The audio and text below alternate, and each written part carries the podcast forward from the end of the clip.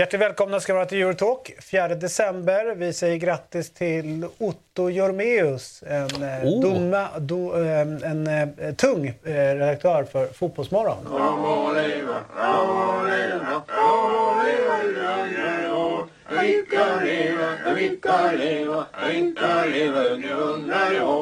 Men vi säger också grattis till Buddha, Johan Meijer, fan-tv-Buddha. Alltså, alltså fyller år, det är det vi pratar om. Ja, Ja. fyller år idag. Det är ju kallt ute och eh, Martin sitter fast på en flygplats igen. Han sitter ju i... Sibirien. Ja, han sitter ju på de här uh, loungerna och berättar om livet och marginalnyttan för folk som är på väg ut och resa. The marginal gain. Eh, Ja, det kanske är dags att börja köra lite på hemmaplan istället för att fastna på... Ja. Är det Heathrow nu igen eller? Tar vi för givet eller? någon. Åström borde ha en egen reality show. Ja, det borde han. Ja. Det var för en inblick. det. Vi gör så att vi har ändå känt lite grann på England så tar vi oss till England. Eh, och vi börjar eh, på eh, matchen mellan Manchester City och eh, Tottenham. Ja, men eh, det var en spännande match på alla möjliga sätt och vis. Dels så gick ju Tottenham in med, med ganska bedrövlig ska vi säga, resultatform i alla fall på slutet. Eh, men eh, vi hade faktiskt upp den här matchen, Oliver eh, och jag, i Eurotalk Weekend. Där han är ju City då. Eh, han sa det att eh, det är... Alltså, vi, City, vi går... Vi, vi, har jävla problem med Tottenham. Det här är, en, det här är liksom en farlig match. Eh, så att, eh, eh, om det bara var känsla eller om det var statistik också, det ska jag låta vara osagt. Men, men, så det låg väl i farans ja, riktning. Ja, och det här är ju spännande med eh, när man kan sitt lag eh, alltså bortanför statistiken. Det finns ju alltid vissa buggteam som finns eller när man vet att här har man problem oavsett egentligen hur styrkeförhållandena är när man går in till den matchen. Så den, den hade inte jag riktigt med i beräkningen. Däremot så tycker jag väl att det är någonting med, med City där de... Eh, Alltså när jag satt och kollade på den här matchen och jag, i helgen har ju du gjort din stora utbildning här så att du, du kan ju här, Uefa Pro. Eh, nej men, när man såg den här matchen framför sig, ett lag som står högt med sin backlinje, Tottenham, med en eh, Haaland eh, i, i City och det vi lärde känna honom allt från Salzburg till eh, Dortmund och liknande, när han får den här ytan att gå på. Att de inte liksom försöker nyttja den mer, alltså de ytorna som ändå lämnas för honom. Det tyckte jag var lite märkligt. Mm. Ehm, och spela honom till, eh, till hans absoluta kvaliteter. Mm. Ehm, så den, den är lite svårt att eh, fatta. Sen, sen så är det ju... Jag vet inte om eh, det började bli någonting mellan... ehm, eller så här, en del säger nu att det inte är kris men att nu hackar City. Men ser vi inte det här varje år vid den här tiden? Att det liksom börjar ganska bra, går ner lite det. grann för att omgruppera och sen är jävligt bra från Över jul. februari och Ja. framåt liksom. Men alltså, så här, alltså, matchen som, som helhet så är det här en match som, som City ska vinna tycker jag. Alltså, så här, egentligen, de, de är ju bättre och bättre men, men de är bättre över, över matchen men det visar ju också någonstans så, lite charmen med fotbollen. Vad bräcklig bara en, en ett, alltså ett målsledning är. Och också lite vad, vad ett självförtroende och en gruppdynamik kan göra någonstans. För att, alltså så här, fan, ta, ta den där laguppställningen, ta de där två innebackarna, Emerson Royal och Davis. Och tittar man inför säsongen att ja, men Tottenham kommer ställa upp med de där två innebackarna mot City. Då tänker man, ja, men fan, då vinner ju City med 3-0. Exakt. Eh, och det är också så här, det är ett bra tränarhantverk någonstans men också Sen är ju spelarna på den här nivån så otroligt skickliga så att det är klart att de några enstaka matcher hanterar vissa liksom ovana positioner på ett bra sätt. Ehm, men jag gillar ändå just det här med att, eh, som att han med Emerson någonstans, han vill ändå åt den snabbheten som han har och flyttar in och som ytterback, innerback. Annars är ju det vanliga kanske att du flyttar ner en sexa som innerback. Ja, då hade Höjbjerg kanske varit ett alternativ men har kanske inte den fysiska snabbheten för att, eh, för att lösa det. Sen eh, tycker jag någonstans, alltså, ur, ur ett svensk kontext, alltså fan, Kulusevski som, som, som tia, intressant alltså. Eh, och sen eh, vilket jävla mål han gör också. Just det här med, eh, och sen är det klart att vi kan alltid titta så här på ah, men Akes försvarsspel, hur är det? Och så vidare. Och man kan vara lite kritisk. Men det är också, du måste förstå att det är så jävla svårt. Att du står där, bollen kommer över, du ska ta ett steg upp och så kommer en dåre i full hastighet. Och det är så här, fan. Det, det, jag är inte säker på att Guardiola, hade, Guardiola hade tagit nej, det här heller. Liksom. Det är inte en liten eh, pjäs som kommer flygande, nej. Eh, om man säger så. Lite roligt är det med att nu är ju, jag vill inte säga tia just, men uh, Kulusevski var ju kanske lite mer centralt uh, mm. i banan. Mm. Det fick ju Janne väldigt mycket kritik för, mm. för att han hade honom. Mm. Uh, jag tycker det är ganska kittlande tanke att få honom tänker i centralt i banan utmana spelare, för han kan ju göra sin spelare. Mm. Och jag tycker att han har en bra spelförståelse. Mm. Om man skulle få in honom, skulle man kanske kunna få ut lite mer av eh, vissa egenskaper han har? Jo, det, det tror jag. Sen, sen eh, om vi tar ett Sverige-perspektiv, den är ju komplex. För liksom, man vill ha Isak på plats. Du vill ha Gyökeres på plats, du vill ha Forsberg på plats, du vill ha Karlsson på plats, du vill ha Svanberg. Alltså så här, helt plötsligt har du ganska många spelare och då är det så här, ja, men om du ska spela med Isak och Gyökeres, ja, men då är det två forwards. Eller ska du bara spela med en? Eller ska Isak utgå från... Alltså, det, det är ju det är svårt att få plats med allihopa. Liksom. Mm. Men jag tycker det finns ändå vissa parametrar. Ändå, liksom så här, eh, du pratar med Janne liksom så här, och jag tycker det finns liksom skillnader när du spelar centralt i ett 4-4-2, när du börjar högt uppe som man gör i svenska landslaget, kommer ner och hämtar bollen, möter oftast felvänd. Här har han ju kanske en lägre utgångsposition, också centralt, men blir oftare rättvänd av det jag kunde bara se med, med ögat. Liksom. Sen, sen hade liksom ingen data på tänka det. på vilka spel man har runt i det läget. Ja, alltså, alltså, om man tänker bakifrån, hur kommer bollar upp? Men jag förstår det, det är klart de används lite olika. Mm. Men, men bara men tanken bara på honom tanken centralt i banan tycker jag eh, känns... Mm. Eh, sen är det väl kill your darlings, alla de där kan ju inte komma in. Liksom. Mm. Kanske är Forsberg som får lämna nu. Mm. Men det är klart, en Kulusevski med eh, Hugo Larsson och Kajust bakom sig skulle kunna vara den, skulle vara ganska intressant. den mitt, ja. mittfältaren. Ja. Och sen så ha eh, Isak och, och, och Gyökeres mm. framför sig. Mm. För han är ju bättre defensivt än vad men skulle spela, cred, för. Liksom. Men skulle du spela med den 3-3 eh, man har mittfältet och två forwards, ja, då är det en fembackslinje du ska använda av. Liksom. Och då kommer nästa fas. Liksom, okay, vi försvarar med en femma. Men när vi anfaller är vi tillräckligt skickliga för att spela oss ur för att kunna få fast bollen för att få upp eh, spela med, fyr, med diamanten på mittfältet. Då. Ja. Eller, eller 4-3-3 ja. skulle man kunna mm. utgå ifrån också mm. om man skulle vilja det på något sätt. Mm. Men annars går det ju en diamant. Mm. Eh, som jag gillar mm. såklart i och med att man är Baxter-skolan. Oj! Eh, Mjällby som tia då eller? Ja, precis. Eller så var jag väldigt svag för L1 också. Gillar jag ju. Att man L1. skickar upp... Eh, man, liksom, man kommer in ah, ja, i ena ytterbacken och så drar man upp den andra så blir det som ett L. The L! The L. Ja, men visst är det. Då kan vi inte säga, vad fan, eh, då ska ju en sån som Emil Holm, han måste ju in. Kanske. Jag gillar hans, eh, jag gillar hans skalle. Ska han, det är ju liksom ingen som skriver in och ber om ursäkt för sig. Nej, det är, han är förvånansvärt obrydd måste ja, man ju säga. Det, det, är, det, och det är imponerande.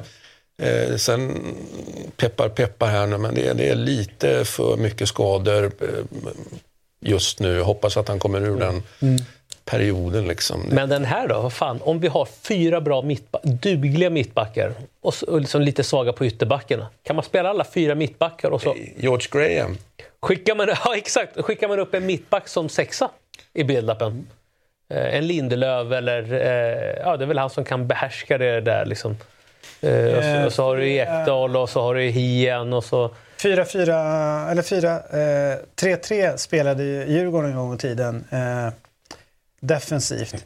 3-4-3 offensivt. Mm. Och det var Mange Persson Mange Persson gick, eh, gick mellan lagdelarna då. Men då krävs det någon som faktiskt eh, har den förmågan ja. att kunna kliva runt sådär.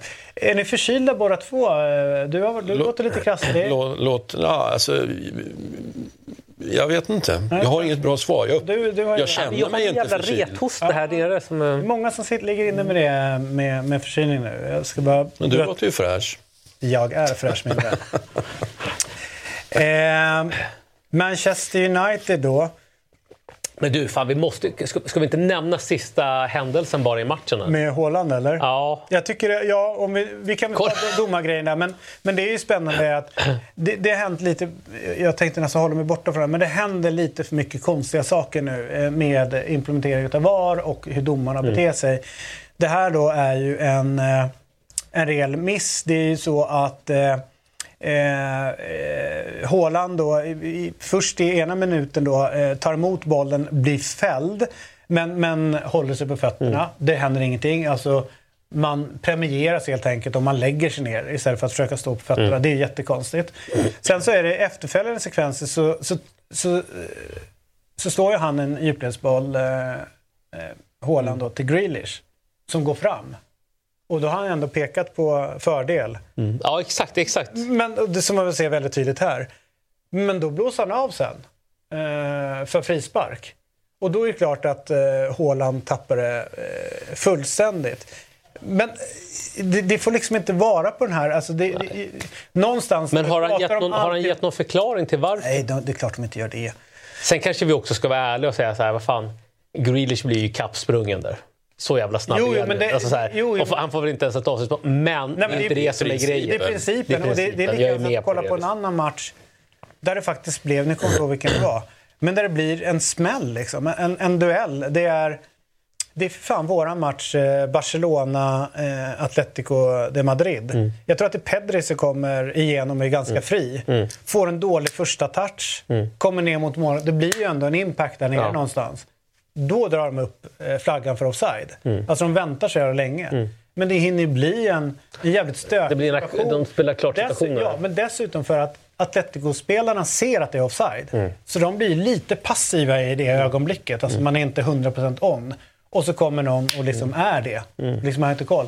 Där blir det farliga situationer som dyker upp. Så eh, jag, jag, jag ska inte prata mer om det, men det börjar bli en riktig jävla soppa allt det här nu.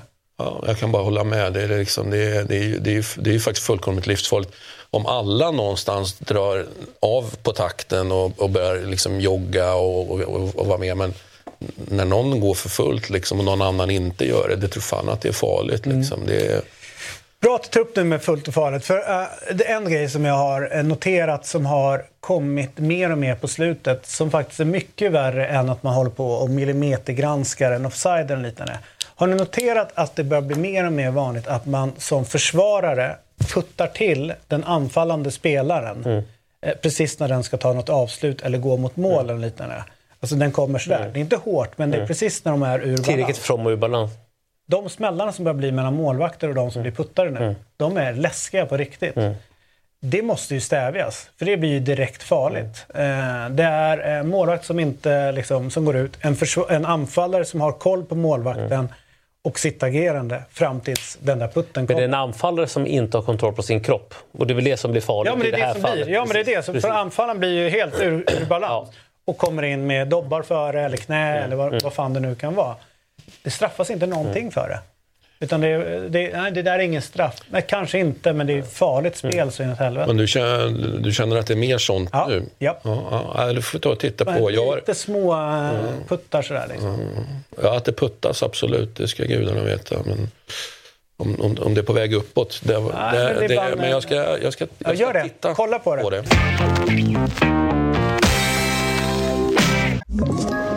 Ett poddtips från Podplay. I fallen jag aldrig glömmer djupdyker Hasse Aro i arbetet bakom några av Sveriges mest uppseendeväckande brottsutredningar. Går vi in med hemlig telefonavlyssning och, och då upplever vi att vi får en total förändring av hans beteende. Vad är det som händer nu? Vem är det som läcker? Och så säger han att jag är kriminell, jag har varit kriminell i hela mitt liv men att mörda ett barn, där går min gräns. Nya säsongen av Fallen jag aldrig glömmer på Podplay. Du, eh, jag tänkte så här. Eh, vi, eh, vi pratade lite grann om eh, Manchester United och många tycker och tänker så här. Jag tänkte vi ska ta och lyssna på eh, vad Paul Scholes säger om när han tittar på United. Och det är ju inte bara att han är raljant utan lite intressant vad han egentligen säger. Jag tänker just det här med, det är många som säger att man måste springa mer. Det är liksom lösningen till allt. Liksom sådär. Eh, men vi, eh, för han har lite tankar kring just den aspekten. Så vi tar och lyssnar på vad eh, Paul Scholes hade att säga efter Newcastles seger mot Manchester United. Captain Bruno, he's all over the place. He's absolutely all over the football pitch, playing anywhere that he probably he shouldn't be. Do you know what I mean? Anywhere his position, where he's best at. Now, look, I don't know. I said I want to be in the dressing room and see what the managers tell him. I, I don't know. But then he's the one as well getting players in the positions. McTominay, he's off everywhere as well. You're playing away at Newcastle, a very tough game. Play with discipline, play with team management. He's got a young lad coming to midfield, uh, Kobe Manu, who, who did okay, but he needs people next to him. He needs help next to him. You can't just go flying off and being disciplined. Uh, at, at, some point, you will get your chances, but play with discipline first. And being an advocate, is it because he's captain that he feels that he needs to try and lead the team. So he, he he's going all around the place, trying Possibly, yeah. to trying to lift them, trying to get into positions. We're saying, well, keep giving me the ball, give me the ball, yeah. I'll, I'll, I'll, get us going. But that does lead to a bit of indiscipline in terms of yeah. what the team want. It, it is, it's a good point. He, he, possibly is doing that, trying to be, oh, almost be a Roy of the Rovers yeah. type character. He's trying to be everywhere. He's trying to help everywhere, but sometimes on a football pitch you can run too much. You, you can do too much. You can be in too many areas of, of the field. I, I think it's messing the whole team structure up. I, I, I can imagine playing him playing centre midfield. I wouldn't know where he was. Where is he? Where is he? You'd have to be telling him all the time, look, stay there, stay in that position. It's not good you being on the left left hand side or the right hand side. Go and get back the ball off the centre half. There's no pattern to your play. You, you don't know where your players are. And I think a strength of a team, you see Newcastle, every one of them players know where each other is. Mm. Do you know what I mean? Is that coaching? I don't know. Is it ill discipline? Is it discipline from them? Ill, discipline, ill discipline from Manchester United? But when you know where people are, you, you you wouldn't understand how much of a difference that makes to your football team. Well, when I I knew who was next to me. I knew who the wide players were. I didn't even have to look. Do you know what I mean? In this team, they're just so disjointed, so all over the place that it's an indiscipline. But it happens that many times. You have to wonder what is the manager giving to him? He, he, does he like it like that? I, he can't possibly like it with the way they played tonight. But as Les said, going back to just giving effort more than anything, working hard. That, that left back, Livramento, must have got in four or five times in that first half. Now, one time, possibly, yeah. Two times, half get away with it.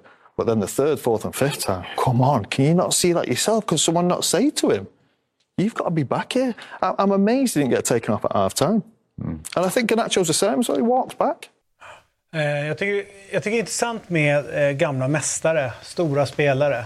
När han liksom någonstans bara landar i, jag tror inte ni förstår hur mycket det underlättar när man vet vad sina medspelare är. Alltså bara den eh, och då blir man ju just där med när man ser Bruno och en del kan säga okej okay, han är kapten, han känner ansvar.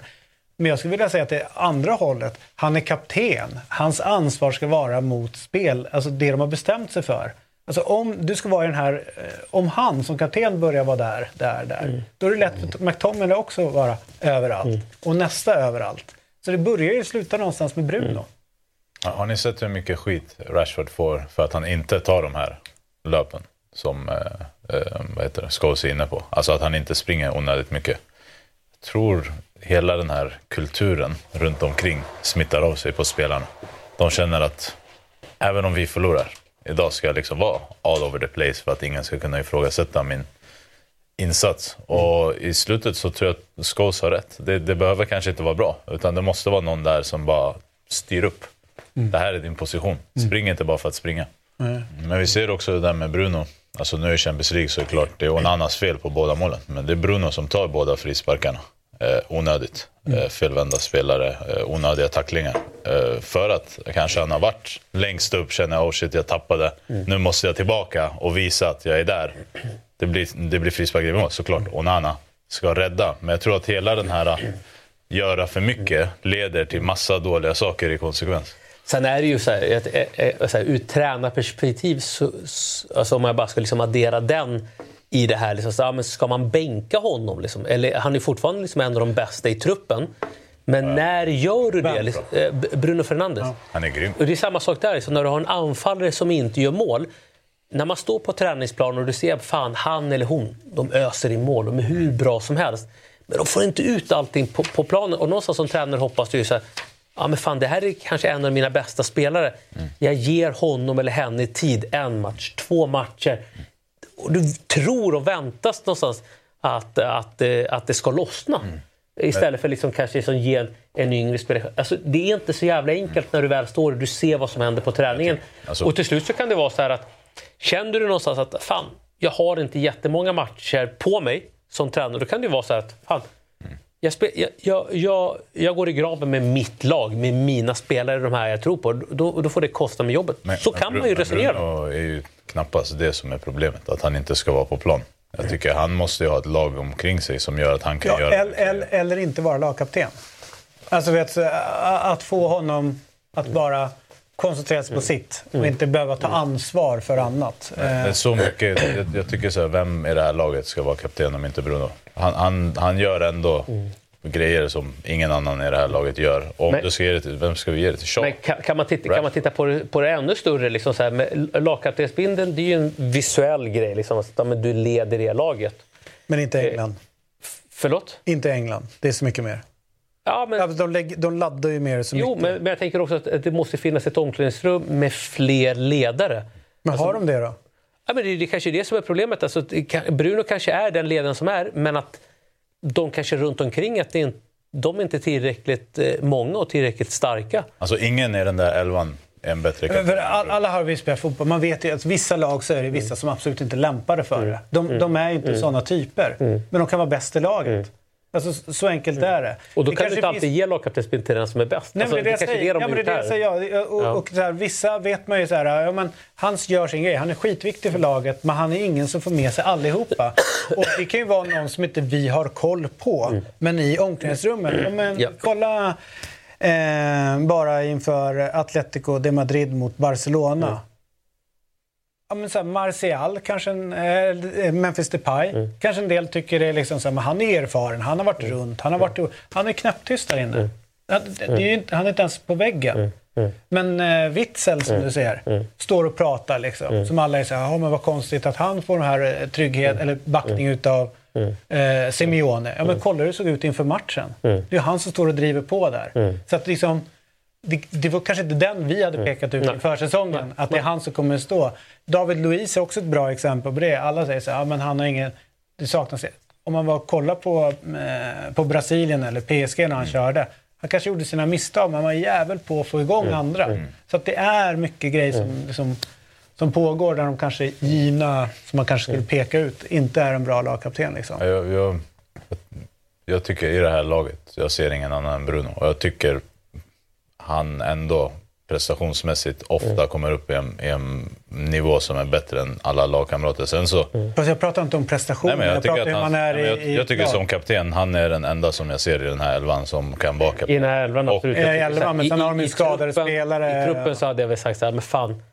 Casemiro måste ju liksom så här, det, det, det är väl den naturliga ledaren. Alltså han, han kom dit för ett år sedan. Eh, Ja, och, sen, precis, och då går det ju givetvis att argumentera för hur är de språkliga kunskaperna och Mm. så vidare. Varann också med världsmästare och hela den, den biten. Det är det är väl det de som är- man kan titta på. Det är det som, är, som man har lärt sig med Ten Hag, det är att ehm, den typen av spelare är, den, han, han kanske inte startar två matcher efter. Alltså, eller så blir det som Maguire som inte ser planen ens med en kikare.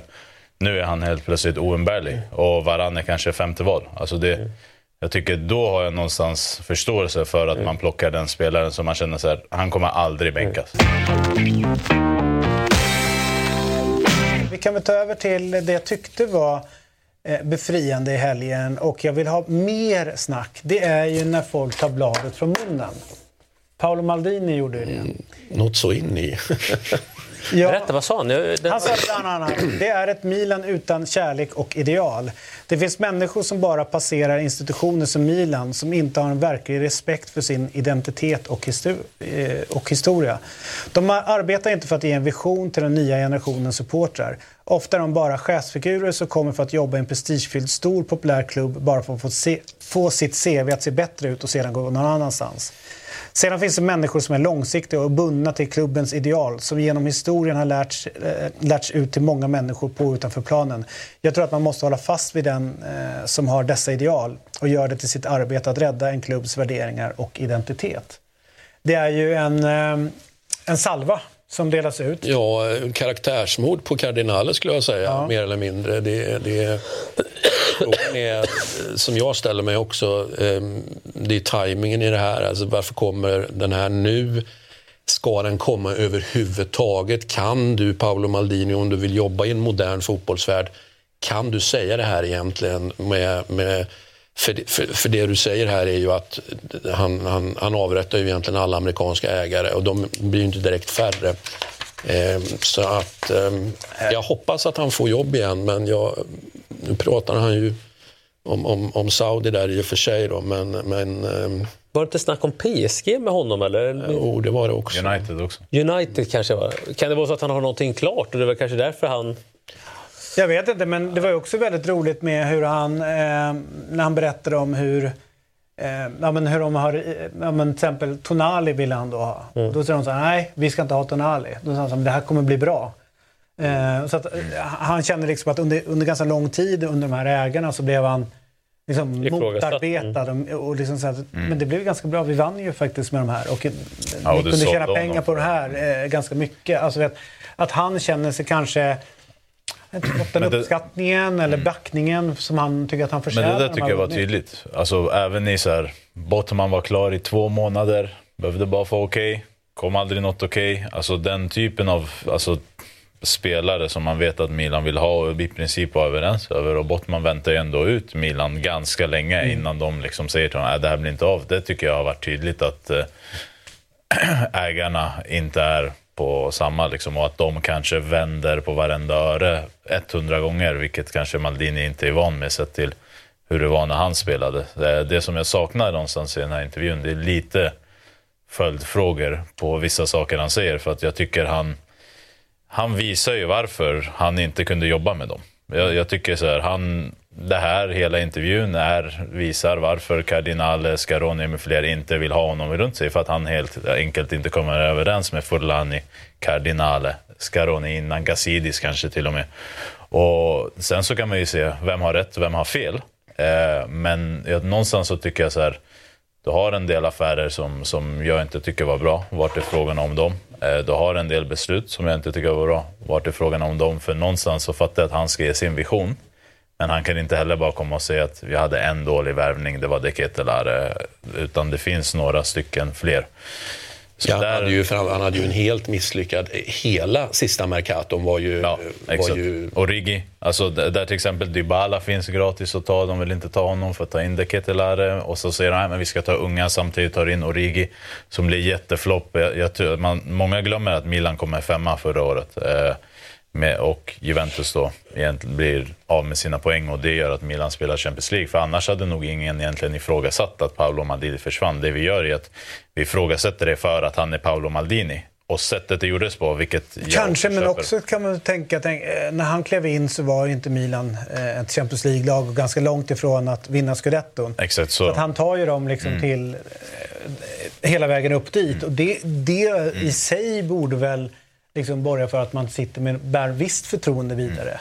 Ja, men absolut. Ja, men det, det- kan jag också tycka. Jag var ju väldigt skeptisk till honom när han klev på en gång i tiden. Men, men han utvecklades ju på posten så att säga, eller bakom skrivbordet. Eh, och, och det kan man ju inte ta ifrån honom. Men, men jag tycker liksom inte... eh, Alltså för mig är inte han Guds så att säga, bästa barn. Men jag tycker det var alldeles uppenbart att det var en krasch direkt med amerikanerna. Så jag bara, alltså, det var bara en tidsfråga. Vilken förändring skulle man göra? Skulle man, eh, ja, vem skulle man ta? Skulle man ta Pioli? Skulle man ta eh, Massara och Maldini? Skulle man ta alla tre? Eh, att ta alla tre kände jag lite så här, fan, kan du, ta, du kan man verkligen ta alla tre? Det är ju väldigt superstatement att ta. Så de tog två. Eh, och, eh, ja, man, man kan ju vända och vrida på det där men jag, jag, jag är inte så imponerad eh, av amerikanerna så är det ju liksom, jag, och så instinktivt ogillar man ju dem också. Liksom, mm, för, de fatt, för de fattar ju inte vad det här nej, nej. handlar om. De fattar ju inte fotboll.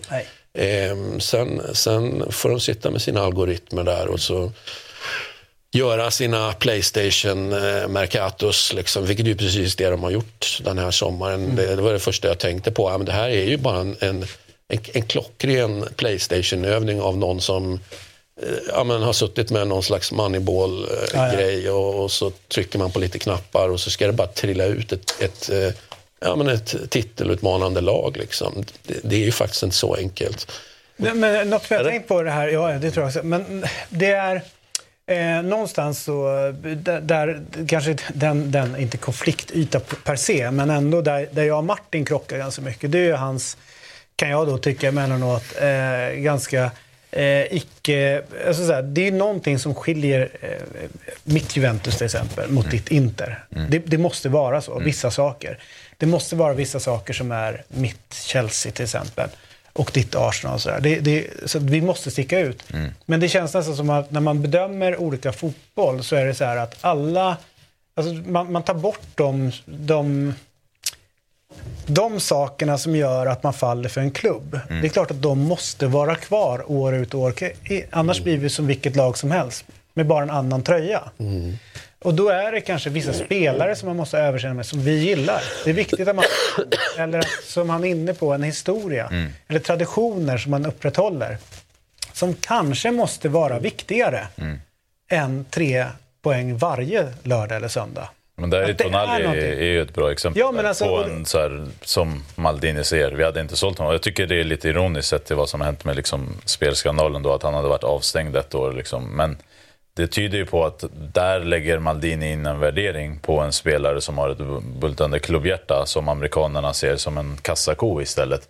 Och där är jag liksom alltid team Maldini, för han säger ju dessutom att vi behövde inte sälja Nej. den här spelaren för att göra Mercato. Och tittar man siffrorna så är jag liksom med honom. För sett till hur mycket de sen går och spenderar så tyder det ju på att nej, det behövdes liksom inte. Kanske bättre om han hade varit kvar för det långa. Ja. Men då tänker jag också så här med att man då säger så här, men ta bort den spelaren eller ändra det, köpa in det. Alltså till slut blir man så här, vänta, vi kan inte köpa in den spelaren till den här klubben. Vi vill inte ha honom här. Mm. Eller den tränaren, eller vad det nu kan vara. Därför då blir vi, det blir bara utsmetat. Mm. Så att någonstans med, eh, ja man kan säga att de har köpt en klubb. Mm för mycket pengar, nu ska de få göra vad de vill. Nej, de har köpt en klubb och nu måste de förhålla sig till saker som är i klubben. Mm. Det, är, det är liksom en del av risken att köpa. Mm. Eller hur ska man tänka? Det, alltså, det, det, är ju det de inte liksom förstår, uppfattar jag. De, tror, de tror ju liksom att det är jag menar att det är enkel matematik, ja, vi går in det, lite modern management, lite, vi, är duktiga på marketing, vi ökar det och, ja, men, och självklart så bygger vi ny arena. Det, det, det, ja, men, det har de haft problem med tidigare men, men det, det, kommer inte vara några problem nu utan det kommer vi sätta och så har vi den här affärsplanen på fem år eller tio år och så eh, liksom, det, det är väldigt mycket pappersprodukt eh, kan jag tycka rent generellt, amerikanska ägare. Mm. Mm. Och då menar jag framförallt Italien då. Eh, där, där, där de krockar. Nej, nej, men jag, jag bara säger det är ändå det jag följer och, ja, liksom måste Nej, men jag tänkte och... mer football manager-taken på det hela. Köp, köp, köp, köp, köp, köp, köp. Mm. Där säger han ju också någonting intressant och, som han har rätt i. Du, du behöver inga jävla algoritmer för att ta Pulisic, alltså Loftus-Cheek. Nej, nej alltså, det, det, det, det, är, det är liksom, alltså, så här, det är sådana spelare som jag kan mm. se med ögat kan vara bra i den här klubben. Och jag tror Fabio Capello ställde ju frågan till Marotta om just det här vad tycker om algoritmer? Jag tror att det var liksom en liten maskerad kritik. Ja, och han säger, Marotta är ju en extrem politiker och säger liksom så här, du behöver mixen. Men där har du en som liksom exakt har fattat vad Inter är, vad Inter behöver och hur du ska främja det som fansen vill ha. Alltså apropå det som du är inne på. Du behöver ha en viss typ av italienare, du behöver ha vissa som håller på Inter sedan de var barn. Och sen behöver du ha vissa som liksom fyller ut det. Men där har du ju liksom förstått värderingarna mm. kring klubben. Och det var ju någonstans det som Maldini, Massara, Pioli satte när de vann titeln, när de kom tillbaka till Champions League. Att de fattade att det här är vi, det här behöver vi vara för då får vi med oss folket. Har vi med oss 80 000 varje vecka, 70 000 eller vad det är, då, kan vi liksom, då finns det ingen gräns för vad vi kan göra. Nej. Och när vi är i Champions League, då är vi i Milan igen. Alltså det är ju liksom hela klubbens DNA. Och åker du ut nu som fyra i gruppen, då har du ju liksom lite tagit död på det. Kollar man på San Siro nu jämfört med för några månader sedan, det är, det är en mycket mer sömnig stämning för att folket inte längre stöttar Pioli. Och det är ju ett resultat av det som har kanske hänt med Maldini, med ägandet och, så, och resultaten. Och tänker jag också när man ser på laget så är det så här, vilka är... Alltså, Milan har ju alltid under nästan alla år jag har fotboll som har varit någon så här, som man tyckt varit Milan-äcklig. Mm. Alltså, du vet vad jag menar. Ser inte den som jag går runt och vet, så här, så här, eh, passivt aggressivt går runt och hatar. Äh, Theo Hernandez, när han Fast var han är ändå då. inte, han är inte liksom, det är, det är inte en italienare. Det är Nej. Mm. ingen som är liksom bär klubbens färger på det sättet som man liksom går och stör sig på. Det, är inte, och liksom, det behövs ju också i, liksom, i rivaliteten mellan de här tre randiga. Vem är det som bär Milan idag? Vem är det som är Ibrahimovic, om man tar det, som liksom står och frontar? Eller vem är det som är, nu hatade jag aldrig Baresi, men vem är det som är Baresi eller Costa Curta eller vet hela de där. Jag ser inte vilka det är som är de som, Nej, de- här är fanan, här är kulturen, det här, vi i Milan. Men de som, den som ska bära det någonstans, det, det, det är ju ett jävla tjat om att det är Leao. Det, och det, och det, ja, men- ja, men, och jag säger ju- inte att jag tror på Nej. det, men jag menar, han ska ju vara den bäste och, och, och så vidare. Och så vidare. Och då, då ska väl han vara den som du eh, ja, går omkring och hatar då helt enkelt. Fast grejen är att det jag far Eller vill du efter... ha någon längre ja, men bak det- i men- banan? men det- eller? Mm. Nej, det, det jag far efter var ju att även när det var Schullit, van Basten och, och Rijkaard. Mm. Nu var ju Rijkaard rätt stökig. Men det fanns ju andra där som, man kanske var, som hade varit där länge som man var så här Mm. stör, Bergomi störde jag mig på som fan. Hos er till exempel. Fan vad bra! Och han var liksom bara stenhård. Mm. Eh, liksom så här, det, liksom det, var, det var Inter. Det var liksom stenhårda och kanske lite mer elegant eh, Milan-härvan där liksom. Och vi var ju som vi var liksom rätt... Men jag tycker när Theo var som bäst, då var han så. Han var tuff, han var hård, han var provocerande, han gjorde allt för att vinna. Du, man liksom hatade honom redan innan matchen. Jag tycker någonstans han har liksom lagt ner det där som gjorde att man hatade honom och som om jag hade varit Milan-supporter gjorde att jag älskar honom. Och nu så tycker jag han, han går in som mittback på eget initiativ, gör en dundermatch. Och där tycker jag någonstans så här, är du tillbaka? Ja. Är du tillbaka? För då tror jag att Milan har något speciellt med den där vänsterkanten med de två. Men du har ju rätt i Leao, alltså, han går ju inte att hata. Han ser ju bara glad ut, dribblar och gör bra saker. Det är liksom, jag, jag har aldrig känt något agg mot honom. Jag tycker bara han är underbar att se på. Leo är för dålig för att du ska hata Theo, honom. nej, han är bra. Alltså. Theo, Theo och Magnan är väl lite den typen av ledare som, som jag tycker att det är, det är de som bär upp kulturen eh, i det som ska vara Milan. Du, eh, den här matchen då. Eh, Mm. målet, 1-0 målet eh, kom ju väldigt, väldigt sent i första. Mm. Eh, och det är alltid jobbigt att släppa in eh, så sent. Vad gav det med Inter och vad gav det Napoli? Alltså om du liksom nu med lyxen att sitta med facit i hand. Men alltså, framförallt gav det inte en matchbild som de älskar att ha. Ledning mot ett lag som vill spela fotboll och bjuder på ytor. Alltså, ehm, Thuram och Lautaro på öppna ytor. De är, de är riktigt jävla bra och hela mittfältet också. Så jag tror att det är det som är jobbigt med att möta Inter är att de kan slå dig när du försvarar med 10 man i straffområdet och de är extremt effektiva när de faktiskt tillåts kontra, vilket inte händer så ofta. Och den matchbilden får du ju till en extrem när du sätter 1-0. För att Napoli spelar hemma, de måste gå framåt. Och de ytorna och Inters skicklighet att liksom spela sig ur är ju det som gör att de sen liksom sätter 2-3. Eh, så. så absolut det som jag tycker. Sen så är det en del tveksamma situationer i den här matchen. Det är många som pratar om att det var liksom foul eh, i upprinnelse till målet och sånt. Men jag, jag tycker den, det du tjänar är en matchbild som är perfekt för Inter. Men det jag tycker, sorry bara, men Napoli ska ta med sig, jag tycker faktiskt att man då Ja, man gör en... Jag bara sitter och, och är liksom, ja, men, typ imponerad av dem i första halvlek. Alltså, jag bara kände liksom att fan det här är, det här är bra liksom. Det, det, det, det. Men Inter hade ju lite jobbigt då i första. Ja, ja så de det har var ju jobb- skott. ja. Alltså, Napoli har ett par chanser, samtidigt Inter alltså, så här, bortdömt mål med en centimeter, så de är ju alltid farliga och hugger. Liksom. Jag, jag håller med, Napoli gör en jättebra match, men någonstans visar det också vad självförtroende gör i jämna matchbilder. Alltså, 100 procent. Chalanoglu, att han sätter dit den, men att Politano kanske sätter den i ribban. Sen Barella, liksom att han är tillbaka eh, med det målet han gör och, och Thuram, att han får sätta den. Men eh, det känns verkligen som en liksom, självförtroende statement. Man ska ha med sig att Inter har tre raka bortamatcher. Juventus, Benfica, Napoli. Och jag tror inte att om du inte kommer tillbaka från 3-0 till 3-3, att du vinner en sån här match med, med 3-0. Du, Turam, är han den mest spännande i Inter nu? Ja, för att man vet liksom inte hur bra han kan bli.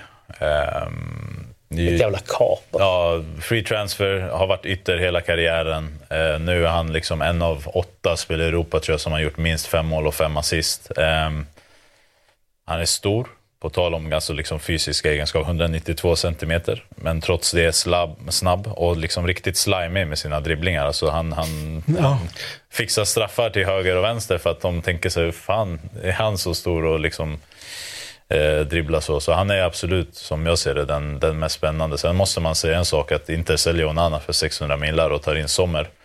Och Sommer är inte bara, jag tycker så här, Onana är en bättre målis i grunden. Det, det är jag helt klart med. Men Sommer är en... Är du överraskad över att han går så tungt i United? Ja, jag tycker att det är en helt annan målis än det jag såg Inter. Och jag tycker, på tal om självförtroende, det tyder på vad det gör att komma. Sommer säger ju efter en match, eh, ska vi se, mot Juve, han säger underbart att spela med den här backlinjen framför mig. Så som de rör sig, så som de är organiserade. Skotten de släpper till eh, liksom, är underbara att få för att de är, det är liksom grymt. De gör liksom, honom bra. Ja. Och där tycker jag att man, många glömmer att det inte började förra säsongen med Handanovic. Och sen så kom Onana in. Eh, nu startar man med Sommer som jag tycker liksom har ett steg upp på Handanovic och som jag tycker är jämntaktiskt med Onana. Det är därför de värvar honom. Men han gör en bra säsong och här mot Napoli så tycker jag han är en av planens bästa spelare. Så. Jag skulle vilja också säga just ur ett helhetsperspektiv att med, när det gäller Thuram, liksom så att ja, men, någonstans så behöver du ha, de behövde hitta en spelartyp som passar Lautaro. För du kan se till exempel i argentinska landslaget att Lautaro inte funkar i argentinska landslaget för att han, eh, han är ju så jävla, alltså han är ju så bred i sitt spel eh, men i argentinska landslaget så blir han liten för att då är det hans uppgift att ligga och trycka i djupled. Det är Julian Alvarez bättre på och han köper den rollen. Lautaro vill gärna komma ner, komma ner och då har han svårt för då går han in i Messis yta och övre. Och här har han ju lite mer frihet men då behöver han ju ha en, en, en forward bredvid sig som faktiskt bara... Han är helt prestigelös. Han sticker hela tiden. Det var ju Lukaku förra året till stora delar Eh, och nu, nu Thuram. Liksom. Så att det som, där är det ju viktigt för att det inte ska bli bra att, att de hittar faktiskt en, en parhäst till honom som, som, som gör eh, laget och har sådana egenskaper att, att de blir jävligt bra. Det är ju också intressant för att Thuram skulle ju egentligen komma in som alternativ till Lukaku. Alltså han skulle vara nummer tre. Så, och då tror jag aldrig han hade liksom blivit nummer två. Eh, för att Lukaku är den som Lukaku är. Men nu är han ju tillsammans med Lautaro opetbar. Och det var länge sedan Inter hade en spelare på topp som kan dribbla.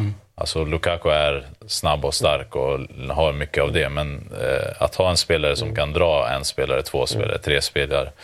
Det var länge sedan Inter hade och det, det sticker ut. Det är väl det enda som man kan tycka liksom, i det här interlagbygget som jag kan se liksom, som en eh, liten akilleshäl. Jag tyckte som övergången förra året med Brozovic till, till, eh, till Håkan, liksom, det, blev ganska bra under de här Champions League-matcherna. Det stresstestades ganska tidigt i Champions League-matcherna mot, mot eh, Barcelona bland annat.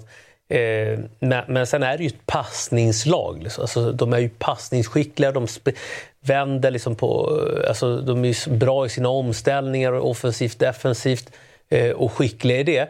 Men eh, till exempel mot, mot Juventus, liksom när de möter lågt stående backlinjer och så vidare, då får de ju svårt att bryta mönstret. Liksom att, att ha en mittfältare eller ha wingback som är bra en mot en kan bryta mönstret. Alltså, för då blir ju ytorna reducerade för en sån som, som Thuram. Så det är väl det man kan så säga, ja, men det går inte att få allt. Alltså, de- är så, de är så dynamiska och så bra ändå på det centrala mittfältet. Men, men det är det enda man kan säga, att ja, men, har de en spelare till som kan bryta det här? Liksom, så här. Man ska ha med sig att de liksom, eh, alltså Inter blir av med Onana, Brozovic, eh, Dzeko, Lukaku.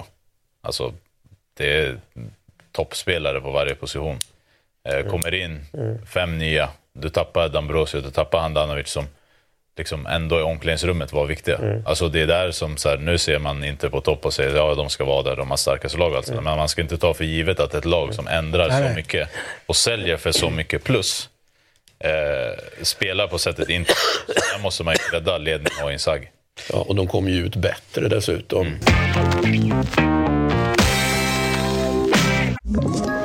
Ett poddtips från Podplay.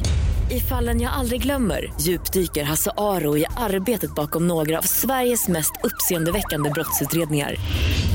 Går vi in med hemlig telefonavlyssning och, och då upplever vi att vi får en total förändring av hans beteende. Vad är det som händer nu? Vem är det som läcker? Och så säger han att jag är kriminell, jag har varit kriminell i hela mitt liv men att mörda ett barn, där går min gräns.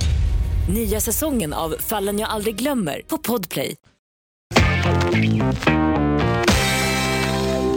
Jag satt och kollade med min son. Det var en prövande övning. Barcelona, Atletico Madrid. De Madrid. Eh, därför att han har ju då blivit fotbollsgalen på ett sätt som är galet. Men riktigt. bra. Därför att Jean Felix, vad tror han sitt, han har för eh, pack? Alltså vad är det för, vad han för, eh, vad han för, vad fan säger man? Pack, vad är det för? De, de, de packar eh, spelare. Han har fått något nytt kort eller som är Ja, de, de, öppnar, de öppnar, öppnar upp en jävla, du vet som fotbollsbilder. Ja, fotbollsbilder. ja, Ja. Panini-grejer. Ja, ja. Fast de har inte albumet. Nej. De håller på och packar upp massa spelare. Han får sin jävla veckopeng. Så går han iväg till någon leksaksaffär, köper kort på spelare och blir orimligt glad om någon har över 87 eller 91. Ah, okej. Och jag fick den här, jag packar den här. Jag bara okej. Då är det ju var, fan, varje... där tappade ni mig. alltså. Ja, mig också. Och så sitter man och kollar på Barcelona, Atletico de Madrid, tycker att det är en jävligt bra match och hör liksom... Hur många poäng tror du han har i pack? Jag bara, jag vet inte. Tror att han har 93? Jag bara, jag vet inte. Så bara, jag försöker kolla på fotbollsmatchen. 87? Jag bara, det här är inte sant. Så bara, "K- k- gå, gå till din mamma, jag tror att hon ropar på dig. Bort dit, så bara tillbaka. Så bara, nej. 84? Jag bara, nej! Alltså, jag vet inte. Jag vill kolla på den här fotbollsmatchen. Eh, men mellan alla de här grejerna, Ja. alltså han gör ju, eh, och, och han gillar Lewandowski. Ja. Försökte jag få honom att förstå att Lewandowski hade gjort tre mål i den här första halvleken. Ja. För fem år sedan. Han är slut. Visst är det att han har tappat lite? Nej. För jag menar inte slut, men Nej. ena, ena skottet som jag, där inte du har ägde ägde honom riktigt, det är ju att han tar emot bollen i straffområdet, skjuter och den blockas. Ja. Men han är lite långsammare där än han var för något år sedan. Ja. Där hade han varit snabbare på den och blivit mål. Nicken som han får, nu är det svårt att undvika näsan just, men han får den på näsan. Otajmad. Otajmad. Den, där är han helt fri. Han Sen kanske man inte ska vara så, så svart eller vitt som... som eh, så Nej, men jag han, tror ju på nej, ett sätt att han hade men gjort givet eh, det han något har, mål ja, till. men givet eller- där han, ja. nivån han haft för ett år sedan så satt ju allt det där. Har han inte två mål senaste tio eller något sånt? Ja, han är ju Alltså- vä- väl, väldigt svag liksom, i, i målskyttet liksom, generellt sett. Men det, det är väl mer så här, det, det jag tror att vi behöver ge det- jag tror att man kommer behöva ge säsongen och säga så här, då kommer man kunna göra bedömningen, är han slut eller inte? Ja, Och nu kan man, liksom, nu kan man skydda sig att ja, men han kanske är i en formsvacka. Liksom, så här. Ja, men det var inte heller några 40 alltså 30-40 mål förra säsongen när de ändå vann. Nej. Och alltså, Men jag han- tycker liksom han har liksom fotbollsaktioner liksom så här, när han får bollen i straffområdet, att det ser lite liksom, Långsammare ut. Kant, precis inte lika koordinerat. Och, liksom så här, och det är svårt att sätta fingret på det. Man känner så här, fan, en, förut var det så här, en tar bam, avslut på andra. Liksom, eller, Eh, har avslut- skadorna kanske gett honom en osäkerhet som han inte haft tidigare eftersom Ja. att han har varit så jäkla frisk. Liksom. och, och då är det också så här, fan, till och med de här människorna som är, som är stora egon liksom, kan börja tveka på sig själva. Liksom. Alltså, så här, någonstans vad skört, mm. skört det det, är. Det är inte bara du på tennisplan. Du? Det är inte bara du på tennisplan. Ja. Det måste ju vara hur jobbigt som helst för honom att känna i det där läget att så här, nu gör jag som jag alltid gör och så ser han att bollen går Ja. i block istället för i krysset. Alltså det måste ju vara svårt mentalt. Men jag Alltså, tänkte också eh, när jag satt där, för eh, då blev ju såklart Rio knäckt för att han hade så mycket hö- höga statser på de här korten. Han borde göra många mål. så att det är inte binärt. Eh, men eh, då, då, eh, då sa han så här, men byt ut honom. Bara så här, fan, Ja, kanske. Alltså, så här, å ena sidan, Mm. om man inte får igång honom och, så kanske man bör Mm. hitta någonting annat. Men å andra sidan så är det ju något vackert i det här med eh, strikers som inte... Man vet att de Som har. Liksom. som, som, de har problem. Men de får chans på chans på chans och sen så när det väl lossnar. Liksom, att, för man vet ju att han, han kommer ju, Det är inte så att han kommer göra två mål på ett helt år, på ett helt år. Han kommer göra bra mycket fler. Men det är ändå vackert med när, de, eh, när de har problem. Ja, och när, en, och när en tränare försöker få igång Ja. eller liksom ställa över, vilket ju är det ultim, alltså, ultimata åt ena hållet, eller, eller fortsätta matcha och kanske liksom bara tvätta bort allt självförtroende. Det finns ju en sån negativ också med att du faktiskt bara får chansen och chansen och, och, och ingenting händer. Eh, så jag kan älska tränarhanden där. Ja, den är liksom, Men jag- och, jag- shit, alltså. För liksom lägga liksom kring, kring Lewandowski så vill jag liksom bara... Liksom, det är ju inte bara en nulägesbild. Alltså, så här, jag vill ändå liksom minnas att han liksom har bekymmer förra året. Nu är det han som ser till, visserligen att matchen mot Inter hemma lever förra året. Men det är också en match borta mot Inter som han ska stänga. Det är en match borta mot Bayern München som han ska stänga. Alltså, Det var för de matcherna han värvades in för Borta att avgöra... brutal. Ja, Alltså- det är som, han ska avgöra de matcherna. Till slut så torskar ju Barcelona, förlorade med, med 1-0 tror jag att det var. Eh, men, men, men, han, chanser, liksom. ja, så att han, han dyker ju inte upp i de här stora matcherna. Förra året var det redan då en dalande form. Så att, min konklusion liksom när vi stänger den här säsongen är ju så här, om man ska titta i ett framtidsperspektiv i Barcelona, så tycker jag så att ja, men de kanske kan gå på Joao Felix. Det kan jag tycka, så, även om jag tycker att han är ojämn och, och så vidare.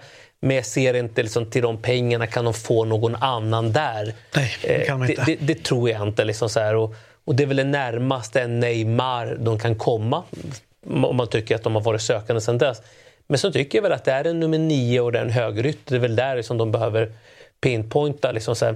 Och då kan man ju diskutera truppbygge hur bra behöver en högerytter vara? För de har Jamal. Men kan du lägga allting på en 17-åring? Nej, det tycker jag inte. också bra ju.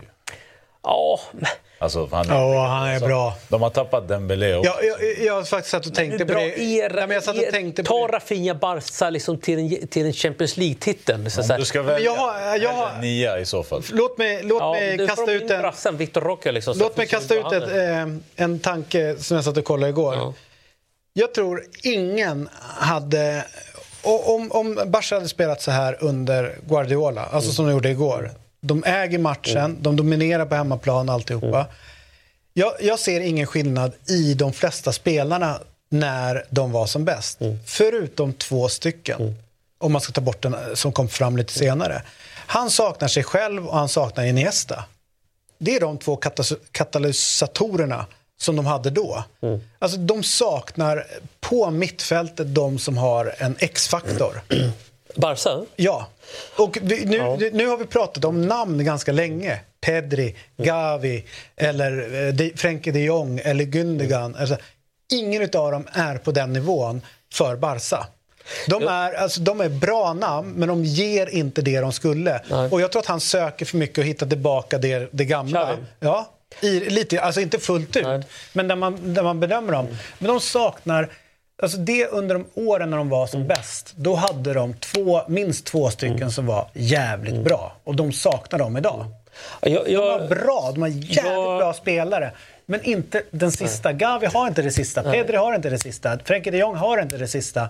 Men de var jävligt bra spelare. jag, jag skulle inte säga att problemet ligger på mittfältet. Det är min bedömning, så vi behöver inte vara överens. Jag, jag skulle vilja säga att Xavi gör ett jävla bra jobb och tar laget fram till sista tredjedelen. Det är spelarna där uppe som inte levererar. Lewandowski iskall, Rafinha eh, fläckvis bra, Joao Felix. De har inte varit konsekventa i sina prestationer under försäsongen. Och då står det så här, pff, vad ska du göra som tränare? Din uppgift är fan se till att ta laget dit, ge dem några nycklar. Men, den Men jag håller med dig, men hur mycket poäng och mål får vi från mittfältet jämfört med tidigare? Eller, ja, jag vet så här- Iniesta var ingen poängmaskin. Nej, var inga nej, men det, poängmaskiner. ja, men inte kanske, men det de lä- lägger fram till de andra så var det ju sånt jävla fokus på... Alltså det, det Du hade skapar... Messi och ett år. Du hade mest... Jo, men det, Messi, nu pratar från början. Alltså Messi växte ju in i det. Han var ju aldrig där...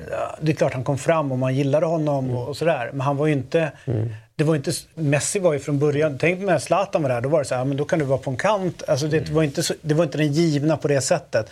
Jag fattar att han var bra. Mm. Jo, att de hade bra spelare, men Eto'o, den klassen går ju faktiskt att hitta idag. Han var ju inte över naturlig liksom. Nej, du Så kan då hitta nio, det kan du du. kan ju hitta. Men, men jag menar det så här, han söker någonting, Mm. men det han söker egentligen är sig själv i den formen. Det som har blivit fascinerande för mig i det här sökandet är att de har sökt efter en högerback i flera år. Och nu, spel, och nu spelar man honom som vänsterback Ja. eh, i sig. Liksom. Men sen är det roligt med Condé och Araujo. Eh, liksom hur...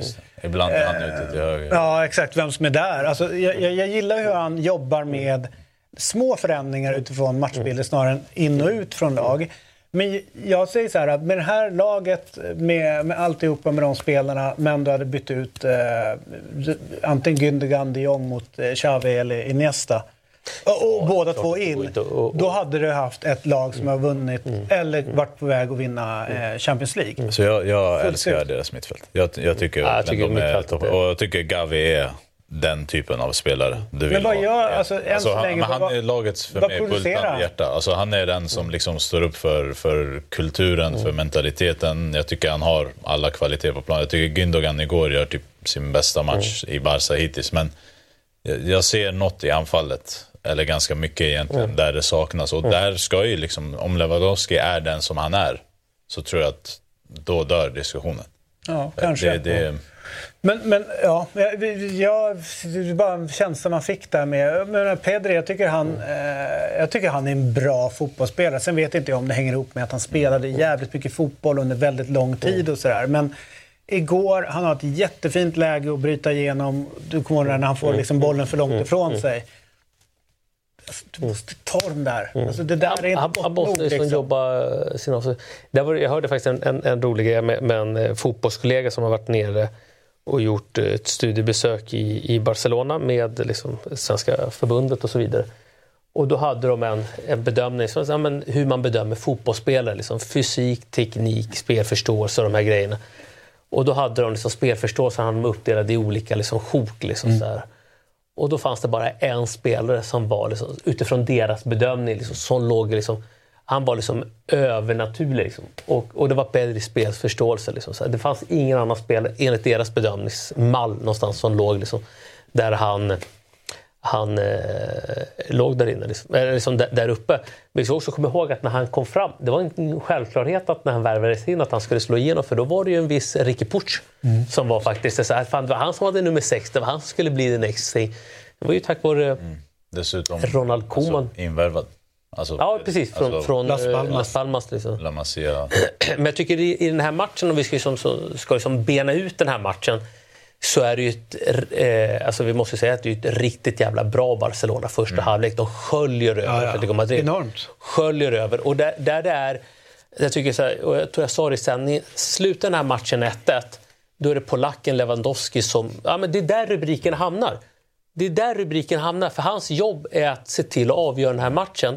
Eh, och liksom, det ska stå 2-3-0. Ja. Matchen lever tack vare liksom hans oförmåga att avgöra och Diego Simone är ju det, det, det. Så han tar matchen dit de behöver. Han gör trippelbyte i halvtid och då börjar de tävla. Och det är lite det de säger, de förstår inte riktigt varför de inte var där i första halvlek, för det var inte det som var tanken, sa Oblak efter, efter matchen. Men jag tycker Barca, alltså, jag tror liksom när jag såg Porto hemma, eh, Atleti hemma, mardrömsmatcher och då kände jag så här, nu är det bära eller brista. Och det har verkligen burit. Jag var imponerad som fan i veckan av dem mot, mot Porto. Jag tycker Porto gör en bra match, men Barca liksom visar att vi ska vidare, vi spelar bra fotboll. Och här, första halvlek var också, så- jag kände så här, Atleti kommer ta det. De är liksom i så bra form som man kan komma med och de har fixat Champions League-avancemanget och nu kommer de liksom skölja över Barca och istället var det liksom nästan tvärtom och där var jag extremt imponerad av vad Barca gör. Jag skulle säga att det bästa i deras spel tror jag var igår, det var ju att, eh, alltså återövringen, alltså bolltapp, hur hårt de jobbade, hur många spelare som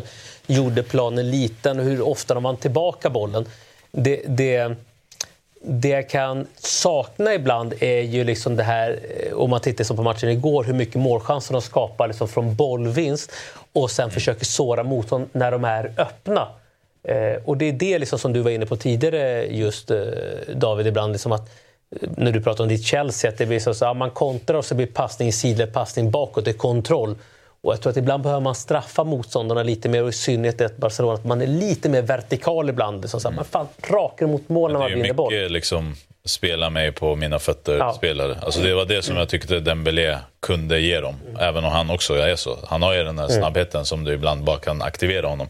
Om, in, om han vill ha den på fötterna så kan du sätta den bakom och säga så här, spring. Alright, så här är det. Bellingham imponerar imorgon. Många. Eh, och det är helt sjuk, alltså det är så mm. sjuka stats han håller på med, det han gör. Det är så kul att han gör kaos med den här ligan och världsfotbollen. Och att det är just han som gör det. Det är en sympatisk... Och med nummer fem på ryggen. Ja, det är så bra. Manolo Sanchez även. Eh, men han, eh, han äter ju eh, som en skytteli, skytteligaledare också. Vi har fått tag på hans eh, klockslag för klockslag när det gäller mat. Dag ett, mellanmål klockan 11. Grekisk yoghurt med havreflingor och chiafrö. Lunch klockan 12. Vilket jävla jobb att översätta det här. Alltså. Sparriskräm, sorterade bondbönor med lök och råskinka och skummad yoghurt. Mellanmål 18.45. Rostat bröd med tomat. Mäktigt ändå att han tar fram gamla toasten där. Eh, han, är, han är ändå engelsk. Där rycker ja, till. Där har han tagit stegen dit man kommer. Nej, det är tomat nej, och brödet han, är, han tar ju toasten från England, den lilla, den lilla trekanten. Nej, nej, nej, nej, nej, Den släpper han inte. Du vet den här. Och lite vitlök och olivolja. Och sen så har han 20.45. Det som faktiskt smakar något. Ja, ja, ja. Fan, det går ju inte här alltså. All right. Sorterad eh, zucchini med lök, grillad sidfläsk. Han gillar sitt fläsk. Eh, han gillar att äta Med grönsaker, grekisk yoghurt med kakao. Sen har vi mellanmål. Han gillar sin eh, grekiska yoghurten hänger kvar. Han kör gröna bönor till lunch på dag två. Han är tillbaka på den rostade mackan med tomat eh, och sen på kvällen blandade paprikakyckling sallad i krämig tomatsås och grekisk yoghurt med kakao. Han jag tycker att det är ett jävla hopp mellan 14.00 och kvart i sju. Alltså det är... Eftermiddagsträning. Och det är siesta. Det är siesta han sover ju. Han sover ju. Vänta, sitter chilenon glömde bort siesta. Du har bott i Sverige för länge. det är sant. Fy fan är det. Han är igång med grekiska yoghurt dagen tre med sitt, sina havreflingor och chia. Jag ska fan testa det någon gång om man börjar göra mål på det. Grillad svamp, grön paprika, kyckling med grönsaker och sojasås och grekisk yoghurt. Jävla grek. Den grekiska yoghurten måste man testa på med ändå. Kakao. Ja. Sen har han ju lunchen på, börjar med 11.00 med samma mellanmål som alltid. Lunchen, röd och gul paprikasallad, fläskfilé med tomat och sallad och lättskummad. Den där lättskummade yoghurten, hur får vi till den? Ja, det, det... Är det vispa upp vad den eller? Vad? Egentligen. ja, Ska jag hem och skumma den här jävla yoghurten nu? Sen är rostade brödet är tillbaka, det han måste ha sin toast. Sen är det en färgglad sallad med kyckling, eh, bilbao och grekisk yoghurt med Kakao. Kakao. Och dag fem här. Eh, grekiska yoghurten är igång. Jag gillar den. Han kör inte kycklingburgare med ja, Nu är det andalusisk sallad, grillad sidfläsk med tomat och skummad yoghurt. Den är jävla yoghurten. Rostade brödet älskar vi. Grillad zucchini med lök. Kycklingburgare med ratatouille och gre grekisk yoghurt med kakao. kakao. Och sen dag sex har vi grekiska yoghurten med havreflingor och chiafrön. Grillad auberginer, grillad marinerad sidfläsk med sallad och skummad yoghurt. Den jävla yoghurten! Jag vill fan lära mig göra den. Rostade brödet är tillbaka. Vi tar en toast med tomat och sen så 20.45 så tar vi rucola-sallad, tomater, lök, grillad kycklingbröst med svamp och grekisk yoghurt med kakao! Jävlar! Det här, jag vill ju ta det här och bara lära mig. Men, Men vi konstaterar, för att bli bra på att göra mål på fotboll så du har lyssnat på en lite kortare variant utav Eurotalk i och med att du har poddlyssnat. Om du vill se hela programmet så finns vi på Dobb-TV. Eurotalk alltså där för 49 kronor per månad, årskort 599 kronor. Eller om du vill så finns vi på Youtube där du klickar in ett medlemskap och det kostar 89 kronor per månad. Där ser du oss live men också hela långa programmet. Men du har alltså som sagt var lyssnat på podcasten, en timme lång ungefär. Men om du vill ha hela så går du in och bällar för det. Tack för att du lyssnar.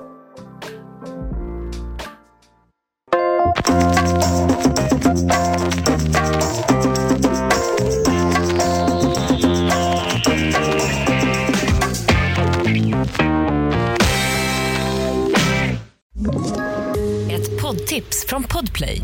I fallen jag aldrig glömmer djupdyker Hasse Aro i arbetet bakom några av Sveriges mest uppseendeväckande brottsutredningar. Går vi in med hemlig telefonavlyssning och, och då upplever vi att vi får en total förändring av hans beteende. Vad är det som händer nu? Vem är det som läcker? Och så säger han att jag är kriminell, jag har varit kriminell i hela mitt liv men att mörda ett barn, där går min gräns.